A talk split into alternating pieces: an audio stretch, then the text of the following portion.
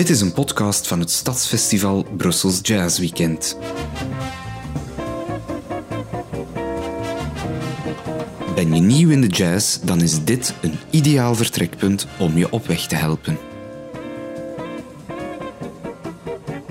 Welkom luisteraars bij onze derde podcast alweer. En vorige keer hebben wij de eerste jazzplaat beluisterd van de Original Dixieland Jazz Band. Frederik, jij zit hier weer bij mij om mij verder te begeleiden in mijn zoektocht. Dus zullen we misschien even teruggrijpen naar die plaat die we toen beluisterd hebben, daar nog even op terugkomen en dat moment nog eens kaderen? Ja, uh, we zitten met een blanke band. Ze komen dan wel uit New Orleans, maar het zijn blanken. Hè. Terwijl we, als we het over jazz hebben, dan is het die, die smeltkroes van, van verschillende invloeden die van over de hele wereld komen. En natuurlijk, de Afrikaanse muziek is daar heel belangrijk. Hè. Dat idee van improvisatie, van een beetje vuil spelen. Uh, dat ritme natuurlijk is zo typisch Afrikaans. En dan is het gek dat een blanke band dat voor het eerst uh, opneemt tweede gekke is dat dat niet in New Orleans gebeurt, de stad waar het allemaal ontstaat, min of meer, maar dat het aan de andere kant van de Verenigde Staten wordt opgenomen in New York. Dus er zijn, er zijn zo'n aantal dingen die eigenlijk niet kloppen. Die niet dat kloppen, verhaal. ja, ik ging het ook net Ehm, zeggen. Dat dat in New York is, ja, dat zal wat een, een constante zijn. Eh, Vanuit New Orleans, daar zijn niet zo heel veel opnames. Dat is wat een, eh, ja, het zuiden is, is wat een ik zeg dat met al respect, maar een, een achtergesteld gebied. De grote platenlabels zitten daar niet. Eh, ze zitten vooral in het noorden, in New York en in een andere stad, dat is Chicago. En het is naar die stad, Chicago, daar helemaal in het noorden, dat heel veel zwarten ook vanuit New Orleans zullen trekken. En daar zijn verschillende redenen voor. Eh, op zoek naar werk natuurlijk. Maar eh, een van de andere belangrijke redenen is ook dat in 1917, het moment dat de Verenigde Staten beslissen om in dat tot dan toe nog lokale Europese conflict, de Eerste Wereldoorlog, om daar ook in te stappen. En dan wordt dat echt een wereldoorlog. En eh, dan wordt er beslist om Storyville, dat was de wijk waar eh, alle uitgangsleven geconcentreerd was in New Orleans, om dat te sluiten. Om het eh, moraal van de soldaten die daar gestationeerd waren hoog te houden. Dat ze niet eh, te veel bij de, de, de, de meisjes van lichte zeden zitten en zo. Maar dat is natuurlijk wel de belangrijkste bron van inkomsten voor de muzikanten in New Orleans. Dat Storyville en daar kunnen spelen. Dus wanneer dat gesloten wordt, zijn er heel veel muzikanten vanuit New Orleans die de eh, riverboat nemen en de Mississippi opgaan. En je, je ziet de Mississippi misschien kronkelen vanuit Ja. het zuiden. Van de langste rivieren, hè, eh, tot helemaal in het noorden. Nu, ze komt niet voorbij Chicago, maar het leidt daar wel allemaal naartoe. En eh, veel muzikanten gaan die reis ondernemen. En zo komt het dat de eerste belangrijke en de meest representatieve New Orleans opnames niet in New Orleans worden gemaakt, maar net in die noordelijke stad Chicago. Zullen we iets beluisteren, Frederik, van die eerste zwarte jazzband? Eh, ja, dan landen we onmiddellijk bij de band van Joe Oliver, bijnaam King Oliver. Een van de vele trompetkoningen uit New Orleans. De trompetisten, of cornetisten waren dat toen nog, eh, die, die, die voerden het hoogste woord in die eh, vroege jazzband. Zij speelden de melodielijn. En Joe Oliver was er zo één één van, King Oliver. En die was de leider van de Creole Jazz Band. En vanaf 1923 gaan die een reeks opnames maken in Richmond en in Chicago. Hè, Die stad waar, waar ze allemaal naartoe trekken. En die gelden min of meer als de meest representatieve opnames eh, van zwarte New Orleans muziek van de jaren 20. De eerste echte ja, New Orleans muziek op, op plaat. En waar mag ik mij dan aan verwachten qua sfeer?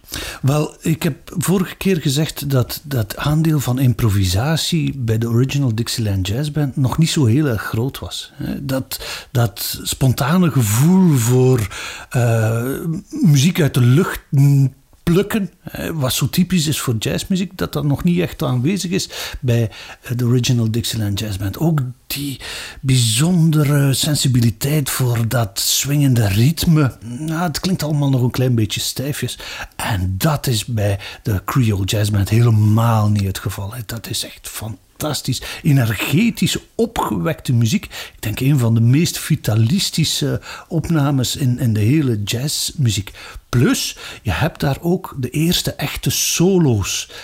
Eén iemand die uit het ensemble treedt en zelf zijn verhaal doet. Zichzelf als individu gaat presenteren. En uh, ik stel voor dat we eens naar een opname luisteren die heet The Dippermouth Blues. Blues is een van die standaardvormen die heel veel door jazzmuzikanten, zeker in die vroege jaren, gespeeld wordt. En uh, daar zitten een aantal heel mooie solo's in. Uh, je, het begint met een ensemble. Uh, de, de, de, collectieve improvisatie, zoals we die ook gehoord hebben bij de Original Dixieland Jazz Band, zo begint ook het stuk. Maar na die eerste chorus heb je al een eerste solo van de klarinet. Dat is een zekere Johnny Dodds, met een prachtige, houterige, warme, donkere klank. Uh, uh, speelt die twee chorussen blues. Daarna komt het ensemble terug en dat is alsof de rode loper wordt uitgerold voor een van de eerste echt perfecte solo's van de jazz en dat is Joe Oliver. King Oliver, die maar liefst drie chorussen na elkaar speelt.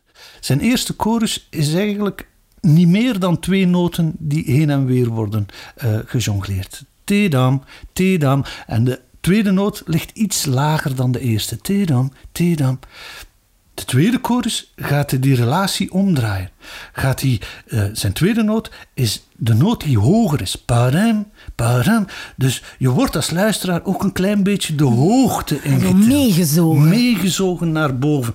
En dan de derde chorus gaat hij die hoge noot helemaal uitspelen. En dan is het net alsof dat je in een, in een Southern Baptist Church zit en de preacher man zit van voren en hij zingt van Hallelujah, praise the Lord. En dat exalterende gevoel, dat dat heb je als luisteraar, maar bij de band moet dat ook het geval zijn. Want het eindigt met iemand die het niet meer kan houden en hij roept: Oh, play that thing.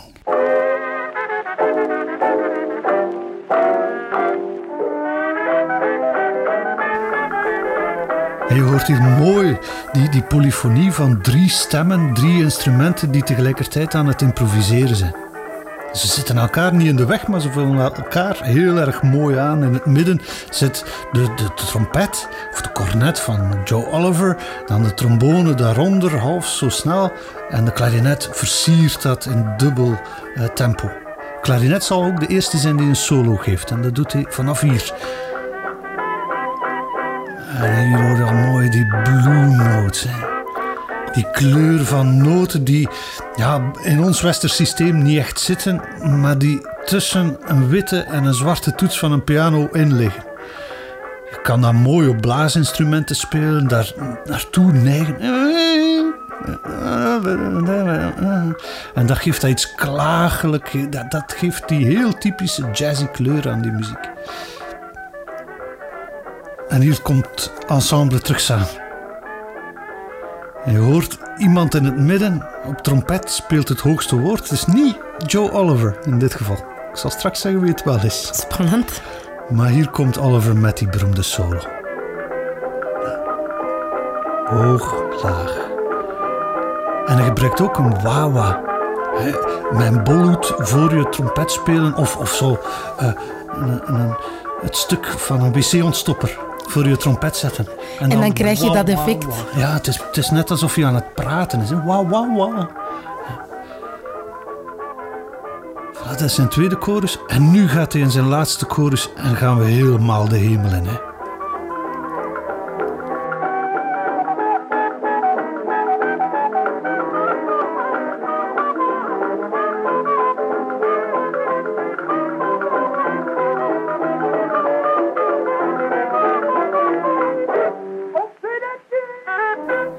Moet u echt voorstellen dat die band ook in de Lincoln Gardens, een, een, een zaal in, in, Chicago, aan het spelen was. En dat mensen gewoon compleet gek werden hè, wanneer ze die band hoorden.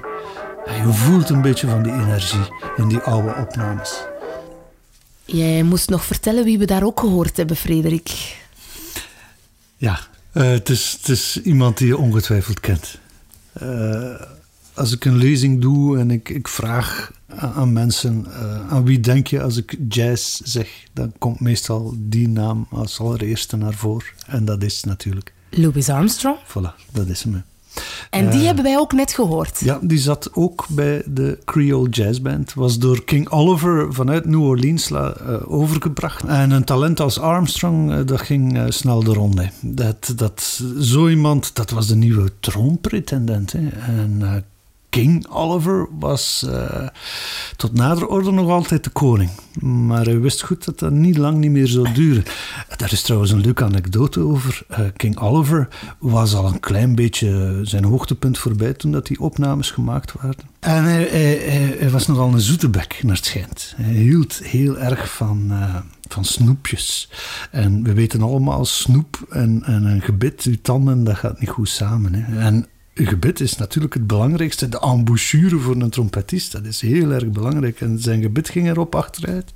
Hij was zijn hoogtepunt voorbij. En dan hoorde hij vanuit New Orleans dat daar een talent was zoals zelfs die stad, waar bijna iedereen muziek speelde, ah, ja, helemaal van ondersteboven was. En er wordt verteld dat King Oliver Louis Armstrong had laten overkomen om hem een klein beetje naast zijn zij te houden, zodanig dat hij toch nog altijd dat overwicht kon blijven behouden. En de king kon blijven. Voilà. Maar dat was natuurlijk gerekend buiten een, uh, een vrouw. De enige vrouw die uh, wel meespeelde bij de Creole Jazz Band. Ze was pianiste, maar ze was de enige die niet vanuit New Orleans kwam. Uh, ze waren die tegengekomen in Chicago. Dat is een zekere Lil Hardin. Lil Hardin was de enige van de Creole Jazz Band die ook kon lezen en schrijven. Ik bedoel, muziek kon lezen en schrijven. Dat was vaak uh, vrouwen, dat waren degenen die uh, in de 19e eeuw instonden voor het, uh, het muzikale vertier. Hè. De, de, de, moeder des huizes of de dochter des huizes, die mocht na het eten achter de piano gaan zitten en spelen. Dus die konden muziek. En Lil Hardin kon ook muziek. Naar het schijnt zou ze gezegd hebben wanneer Louis Armstrong toekwam in Chicago: van wat een boerenkinkel hebben ze hier afgeleverd. Ja, ze was daar helemaal niet van onder de indruk. Een ongemanierde uh, boer, hè, boer van het zuiden. Dat, dat was Louis Armstrong. Mm, tot die kerel natuurlijk zijn instrument aan zijn lippen zette en begon te blazen. En toen was ze enorm onder de indruk. Ja, en dan was ze compleet verkocht. Zelfs zodanig dat ze de tweede vrouw van Louis Armstrong zou worden. Dus Lil Hardin wordt Lil oh, Armstrong. En ze wordt ook zijn grootste supporter. Uh, ze zegt, je moet hier weg. Je moet weg van bij King Oliver, want hij houdt er je een klein beetje onder. En jij hebt meer talent. En het is door uh, de motivatie van Lil Hardin dat... Uh, Louis Armstrong naar, van Chicago naar New York zal trekken en daar met een heel andere band aan de slag gaat gaan.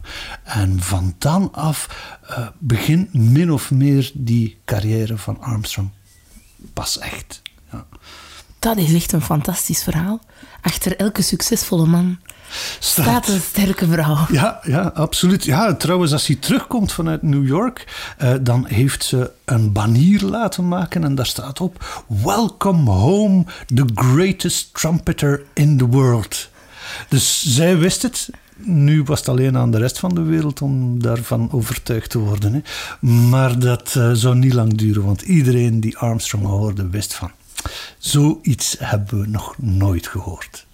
Beluisteren we dan misschien een opname van Armstrong in New York? Zijn die er? Ja, die zijn er. Ja. Die, die uh, maakt hij in de band van Fletcher Henderson. En Fletcher Henderson was ook een gestudeerde muzikant. En hij had een orkest dat wat anders was dan de normale New Orleans bands. New Orleans bands is altijd uh, opgebouwd rond dat triumviraat van klarinet, trompet en trombone.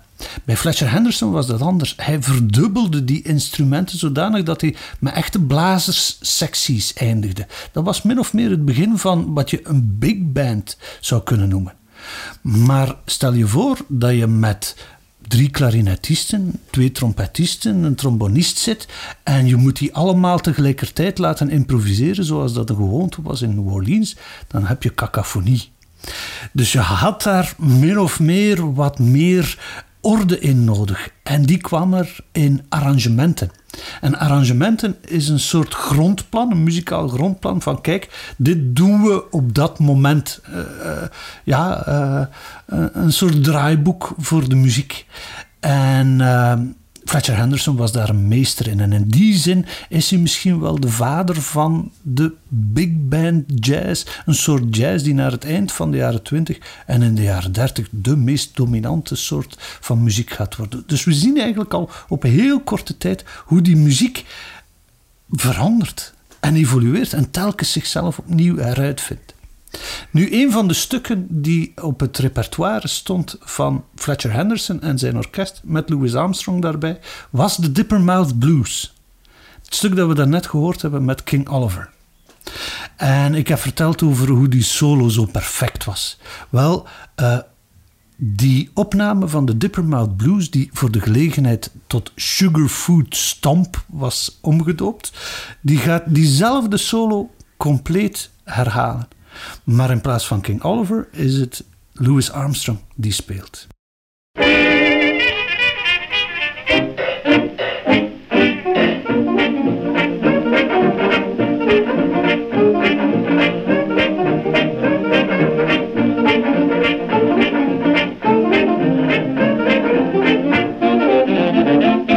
Sugarfood Stomp, maar met de Dippermouth Blues vers in onze oren horen we dat we eigenlijk opnieuw naar de Dippermouth Blues aan het luisteren zijn. Hè?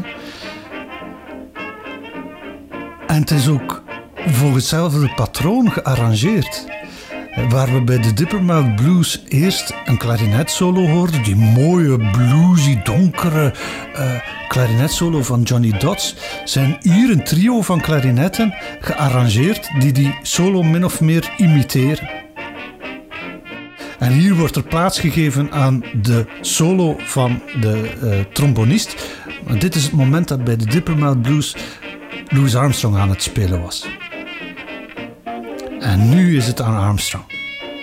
En hier geeft hij een eerbetoon aan zijn oude mentor, King Oliver. Hij speelt gewoon de solo van Oliver compleet na. Elke noot opnieuw.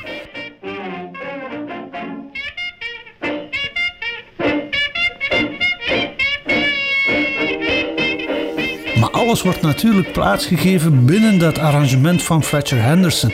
Niks is niet meer zo toevallig, zo spontaan misschien. Uh, maar dit is de sound die eerder bij de jaren 20 hoort dan die ouderwetse, snel ouderwets wordende New Orleans-stijl. Dat collectieve. Uh, spontane improviseren gaat er langzaamaan wat uit voor die arrangementen. En Daarboven komt het verschijnen van grote solisten. Dus individuen die uit dat ensemble treden om zelf iets te gaan vertellen. En Armstrong gaat daarin de weg tonen. Niet alleen op zijn instrument, maar elke muzikant die bij Fletcher Henderson speelt, gaat op de manier van Louis Armstrong gaan spelen. Bijvoorbeeld in de rietensectie, de klarinetten, zit iemand die heet Coleman Hawkins die gaat op een instrument, een ander rietinstrument, de saxofoon, spelen zoals Armstrong hem dat voordeed. Met diezelfde frasering, diezelfde ja, individuele klankvorming op saxofoon. En op die manier vindt Coleman Hawkins via Armstrong de saxofoon als jazzinstrument uit. Vanaf dat moment gaat hij meer en meer aan belang winnen. En wanneer mensen als Coleman Hawkins daarop beginnen spelen zoals Armstrong en dat voordoet, dan wordt dat echt ook een jazzinstrument. En de saxofoon had een, belangrijk voordeel tegenover de klarinet, namelijk een klarinet is een klarinet. He? Uh, je hebt nog een basklarinet, maar op zich die tessituur is wat ze is. Uh, maar een saxofoon die heb je in verschillende formaten. Je hebt kleine saxofoontjes, sopranino sopraan, alt-saxofoon, tenor, bariton, bassaxofoon, contrabassaxofoon. Het is een hele familie. Het is, het is bijna een koor. En als arrangeur is dat natuurlijk heel interessant dat je met die verschillende stemmen binnen dat één instrument een hele sectie kan maken. En zodanig een klank bepalen. Vandaar dat saxofoon meer en meer uh, aan invloed gaat, gaat winnen. En uh, wanneer mensen dat ook als solo-instrument leren bespelen, ja, is, staat dat bijna synoniem met wat jazz is. Als wij vandaag een saxofoon zien, denken we onmiddellijk aan jazz.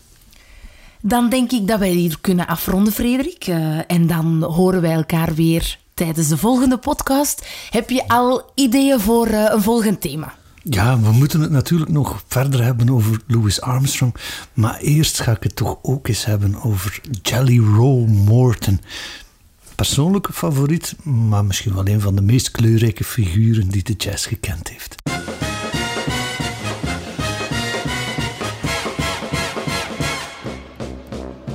U luisterde naar een podcast van het Stadsfestival Brussels Jazz Weekend. Het festival vindt jaarlijks plaats tijdens het laatste weekend van de maand mei.